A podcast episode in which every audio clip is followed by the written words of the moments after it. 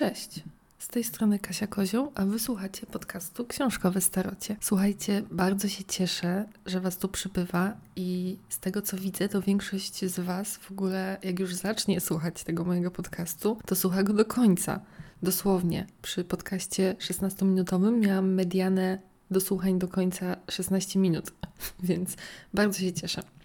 Moi przyjaciele zaczynają też się dopytywać, kiedy nagrywamy odcinki przyjacielskie. Pozdro Marcin. I bardzo mnie to cieszy. Otóż niebawem jakieś będą. Na pewno jeszcze jesienią. Słuchajcie, dzisiaj mogę być trochę zakatarzona. Musicie mi to wybaczyć, ale dostałam alergii. Nie będę się wdawać w szczegóły. W każdym razie mogę tutaj pochrząkiwać jeżeli mi się nie uda wszystkiego wyciąć. No dobrze, tyle wstępu. Dzisiaj przygotowałam dla Was taką ciekawostkę biograficzną o Agacie Christie, bo ja lubię grzebać sobie czasem w biografiach ulubionych pisarek i pisarzy. I w związku z tym pomyślałam, że mogę się też z Wami czasem tym dzielić. To jest taka trochę pudelkowa ciekawostka, ale wbaczam to sobie jako, że zainteresowana nie żyje już od kilkudziesięciu lat. Jeżeli chodzi o moje źródła, to Głównym źródłem była książka Jareda Cade'a Agata Christie i 11 zagubionych dni, wydana w Warszawie w 2014 roku. To jest taka trochę sensacyjna książka, no ale ciekawa, no bo ta, ta sytuacja jest w ogóle fascynująca. Posiłkowałam się też autobiografią Agaty Christie, z tym, że z tą autobiografią jest taki problem, że pisarka opisuje tam wszystkie rzeczy wokół tego zniknięcia, o samym zniknięciu w ogóle nie pisze, bo właściwie ona nigdy o tym nie pisała, nigdy tego nie skomentowała.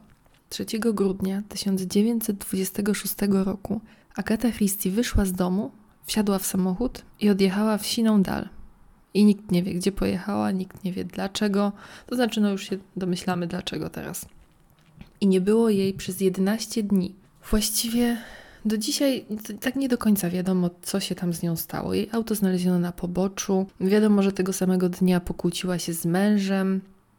Takich szczegółów pewnie nigdy się nie dowiemy na ten temat. Natomiast przy okazji chciałam Wam polecić odcinek doktora Hu, który nazywa się Unicorn and the Wasp to jest sezon czwarty, odcinek siódmy, z tych nowych doktorów oczywiście. Mm, doktora Hu gra David Tennant, mój ulubiony doktor. Towarzyszką jest Donna, moja ulubiona towarzyszka. I odcinek ten zawiera innymi, słuchajcie, olbrzymiego owada, e, a pisarkę gra Fenella Ulgar. Z tego co pamiętam, bardzo udany odcinek. I właśnie traktuje, no jest taką hipotezą na temat tego, co się stało z Agatą Christie podczas tych 11 dni zakupionych. No dobrze, ale koniec poleceń. Co z tym zniknięciem? Więc musimy cofnąć się do historii jej pierwszego małżeństwa. Agata i jej pierwszy mąż poznali się w 1912 roku, kiedy Archibald, na którego wszyscy mówili Archie, zastanawiał się, czy też zostanie przyjęty do Królewskiego Korpusu Lotniczego. Wprawdzie on starał się, żeby się nie przedstawiać jako romantycznego bohatera, ale to i tak podziałało na bujną wyobraźnię Agaty. Wzięli ślub pod koniec 1914 roku. I to był taki trochę wojenny ślub, bo był poprzedzony półtora rocznym narzeczeństwem. Na początku y, oni nie mieli w ogóle pieniędzy, nie mieli środków, żeby się połączyć. Agata dysponowała jakimiś tam 100 funtami rocznie z zapisu dziadka, co nie było dużą kwotą. Zaś Archie miał niewielką sumę od swojej matki oraz naprawdę lichą garzę, która mu przysługiwała jako lotnikowi. Ale przyszła wojna i wszystko się zmieniło. Agata była pielęgniarką. No wiecie, jak to jest podczas wojny. Ludzie podejmują szybkie decyzje, szybko wychodzą za mąż, szybko się żenią i tak też było w tym przypadku. Pół roku po rozpoczęciu wojny Agata i Archie w Wigilię wzięli ślub.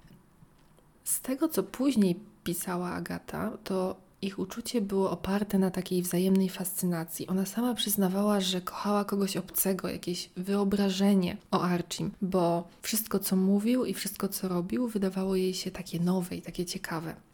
I ta nieprzewidywalność ją fascynowała. Natomiast Archie również mawiał, że nie wie, jaka ona jest i nie potrafi jej rozgryźć, i to go właśnie też pociągało. W swojej autobiografii autorka Śmierci na Nilu pisze już już jakby w późniejszych e, czasach, kiedy wiadomo było, że, że ten związek się rozpadł. Zacytuję Wam tutaj kawałek.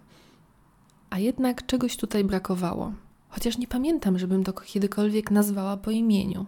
Tęskniłam za dawnym poczuciem koleżeństwa, które łączyło mnie z Archim. Tęskniłam za tamtymi weekendami, kiedy to jechaliśmy autobusem albo pociągiem za miasto, a później wędrowaliśmy w nieznane. Teraz nasze weekendy ziały nudą. Ogólnie to rok 1926 był bardzo trudny dla Agaty, bo w kwietniu zmarła jej matka w wieku 72 lat. Ogólnie to Archie od zawsze nie znosił chorób i żałoby i no nie wiadomo, czy to tak specjalnie zrobił, czy faktycznie mu się nie udało, no ale faktem jest, że na pogrzeb teściowej z Hiszpanii nie udało mu się wrócić na czas. Próbował wprawdzie jakoś Agatę rozweselić po, po powrocie. Chciał, żeby z, wyjechała z nim na wakacje, jednak Agata po prostu potrzebowała przeżyć żałoby po matce i potrzebowała wsparcia w tym. Ponadto wzięła na siebie porządkowanie starej posiadłości, w której matka mieszkała po śmierci. Cześć, z tej strony Kasia z przyszłości. Oczywiście chodziło mi o przed śmiercią. I piszę o tym jako o naprawdę takim czarnym okresie w życiu, bo dom był magazynem kilku pokoleń, trzeba go było dokładnie wyczyścić, wszystko przepatrzyć, a w listach czasem można było znaleźć jakieś zachomikowane pieniądze albo brylantowe broszki. I była w tym domu z tą robotą i z tymi wspomnieniami zupełnie sama. To było lato 1926 roku. I pisarka była naprawdę w kiepskim stanie. Później wspominała, że zapominała, jakim nazwiskiem powinna podpisywać czeki. Czasem nie pamiętała, co właściwie robi, gdzie jest, kim jest. Miała takie krótkie zaniki pamięci. Do tego pracowała bardzo ciężko, no chyba ponad swoje siły nawet, bo chciała już się stamtąd wyrwać, już mieć tę nieprzyjemną czynność za sobą. I była też straszliwie samotna, bo Archie nie chciał przyjeżdżać nawet na weekend, twierdząc, że się nie opłaca, a w rzeczywistości pewnie nie chciał patrzeć na żałobę, bo tak jak mówiłam wcześniej, on zawsze powtarzał, że, że no nie lubi, nie lubi choroby i smutku. Gdy w końcu przyjechał, Oświadczył, że chce rozwodu, no bo kogoś poznał. Twierdził nawet, że przecież uprzedzał żonę o tym wcześniej i faktycznie, no on zawsze wspominał, jak już ja też wspominałam, że nie znosi, kiedy ktoś jest chory albo nieszczęśliwy. No jak ludzie śmią być nieszczęśliwi? Podobno powiedział takie słowa: smutek wszystko psuje. No cóż, żona najwyraźniej nie spełniła jego oczekiwań, więc chciał się rozstać. No i tak wyglądało życie Agaty w 1926 roku. Tyle szczegółów Wam chyba wystarczy. Jeśli będziecie chcieli, to mogę kiedyś zgłębić bardziej relacje damsko-męskie Agaty Christie, ale to w jakichś osobnych odcinkach. Były one ciekawe, już nawet tam palicho męskiego Archiego, który nie lubi smutku, ale y, to jej drugie małżeństwo z, z archeologiem było dużo bardziej interesujące. 3 grudnia 1926 roku, kiedy Agata zniknęła, wcześniej pokłóciła się z mężem. Archibald podobno nie krył, że chciał akurat pojechać do kochanki, ona nie chciała go puścić. No więc pożarli się i on pojechał do tej kochanki.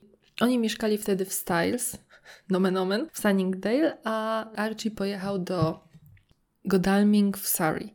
Powiem wam, że wyczytałam, że do pewnego momentu podejrzewano go nawet o morderstwo, no bo historia jak z książki, no nie? Ale nie było wystarczających dowodów, więc skończyło się na podejrzeniach. Po jego odjeździe Agata weszła do pokoju córki, Rosalind, pocałowała ją na dobranoc, po czym bez żadnego uprzedzenia odjechała. I to było około 22, krótko przed 22. Napisała tylko do sekretarki w krótkim liściku, że jedzie do Yorkshire.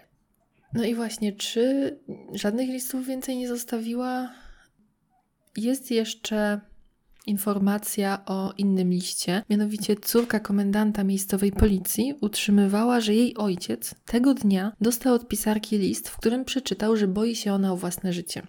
I ja te informacje mam z książki, o której już wspominałam, książki Jareda Cage'a. I on twierdzi, że takiego listu nigdy nie widział. Korespondencja policjanta została spalona przez jego córkę w latach 30. No cóż, wygodne, więc nie wiadomo, czy ona po prostu tego nie wymyśliła. Ogólnie Agata była tuż przed premierą swojej przełomowej książki o tytule Zabójstwo Rogera Ackroyda. O tej książce też na pewno będzie kiedyś osobny odcinek, bo ją uwielbiam. Następnego dnia brytyjska policja znalazła samochód Agaty Christie niedaleko kamieniołomu w Sunningdale. Maska była podniesiona, światła były włączone, w środku był płaszcz Agaty i dokumenty, ale jej samej nie było nigdzie w pobliżu. No i chociaż Część tajemnic Wam niedługo wyjaśnię, jakieś tam domniemania sama mam, natomiast nikt nigdy nie dowiedział się, co działo się z Agatą przez pierwsze 24 godziny od tego zniknięcia, od, od tego grudniowego wieczoru, kiedy, kiedy wyszła z domu. Jak się dostała tam, gdzie ją znaleziono? Do pomocy w poszukiwaniach zgłosiło się mnóstwo wolontariuszy.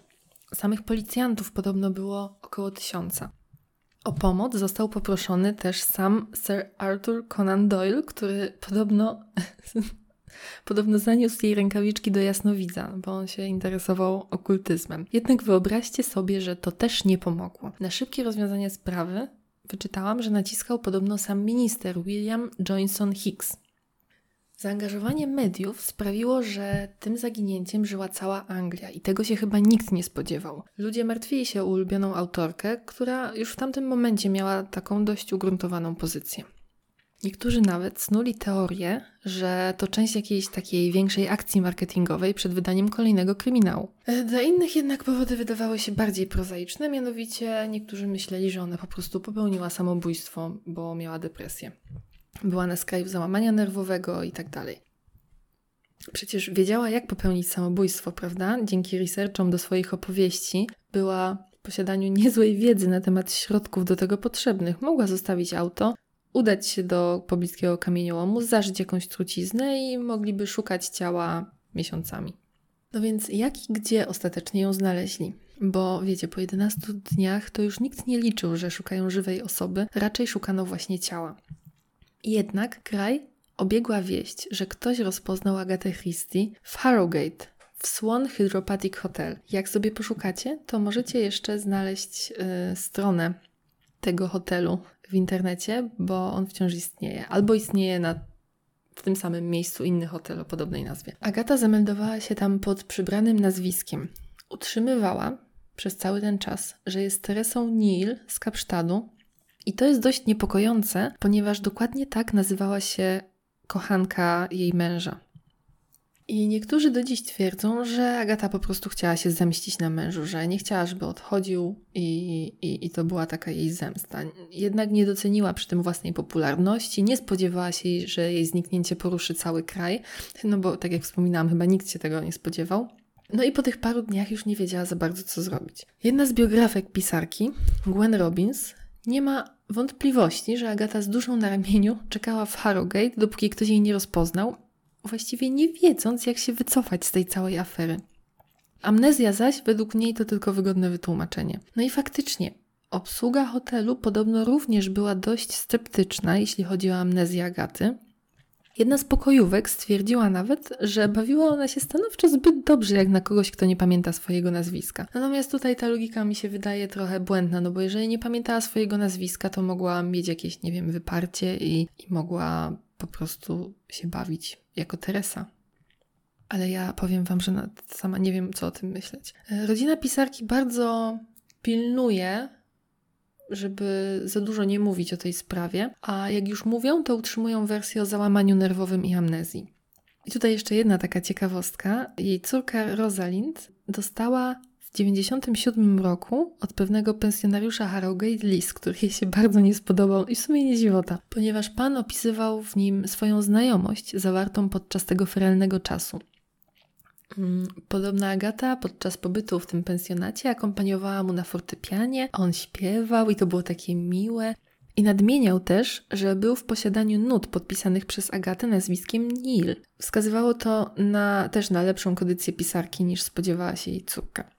Sama Agata, jak już wspomniałam, niewiele mówiła o tej sytuacji. Z jakichś tam skrawków informacji można wnioskować, że, że, że miała amnezję lub że twierdzi, że miała amnezję. Być może właśnie spowodowaną przez depresję połączoną z nerwicą i takim długotrwałym stresem, no bo jak liczyć, jej matka umarła w kwietniu, a do zniknięcia doszło na początku grudnia, no to można oszaleć. Badało ją dwóch lekarzy i obaj zdiagnozowali amnezję. Natomiast Agata w swojej autobiografii przy opisywaniu tego czarnego okresu porządkowania rzeczy po matce wspomina takie właśnie okresy zaciemnienia, brak poczucia sensu, chwilowe zapomnienie nawet czegoś tego oczywistego jak swoje własne nazwisko. No, być może to wszystko ustawiła później, a być może faktycznie miała amnezję. Tak jak mówiłam, to, to, to nie jest chyba do wyjaśnienia teraz. W autobiografii wspominała też, że po tym trudnym dla niej okresie zdarzyło się jej ostrzyc pewną znajomą, która zwierzyła jej się, że wybucha płaczem z najbłahszych powodów. Pisarka poradziła jej wtedy, żeby zgłosiła się do lekarza, bo być może jest na skraniu załamania nerwowego. Natomiast sam temat jej zniknięcia jest w autobiografii całkowicie pominięty. Autorka przechodzi od analizy motywów byłego już męża do lutego roku następnego, czyli przeskakuje kilka miesięcy. E, a w lutym właśnie 27 roku uciekła z Anglii, żeby odpocząć od natrętnych dziennikarzy. I o tym już nie wspomniała, ale prawdopodobnie niezamierzonym skutkiem ubocznym jej zniknięcia był wzrost popularności jej książek po prostu. Bo to wydarzenie miało miejsce u progu jej kariery. I chyba nieumyślnie trochę tę karierę nakręciło, przynajmniej przez te kilka miesięcy. No i nie trudno się domyślić, że pokonała wszelkie przeciwności, prawda? Została królową kryminałów. Wyszła ponownie za mąż, napisała mnóstwo książek, zwiedziła kawał świata i miała naprawdę fascynujące życie. I na pewno jeszcze się w tym podcaście pojawi.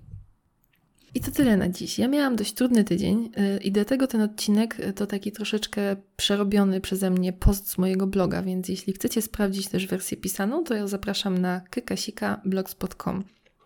A poza tym, jak zwykle, możecie mnie znaleźć w mediach społecznościowych na Mastodonie, na serwerze 101010, gdzie jestem po prostu Kasiką, i na Instagramie, gdzie mam nick k, Kasika k, bez żadnych znaków przystankowych. Dzięki, że jesteście i do następnego. Cześć!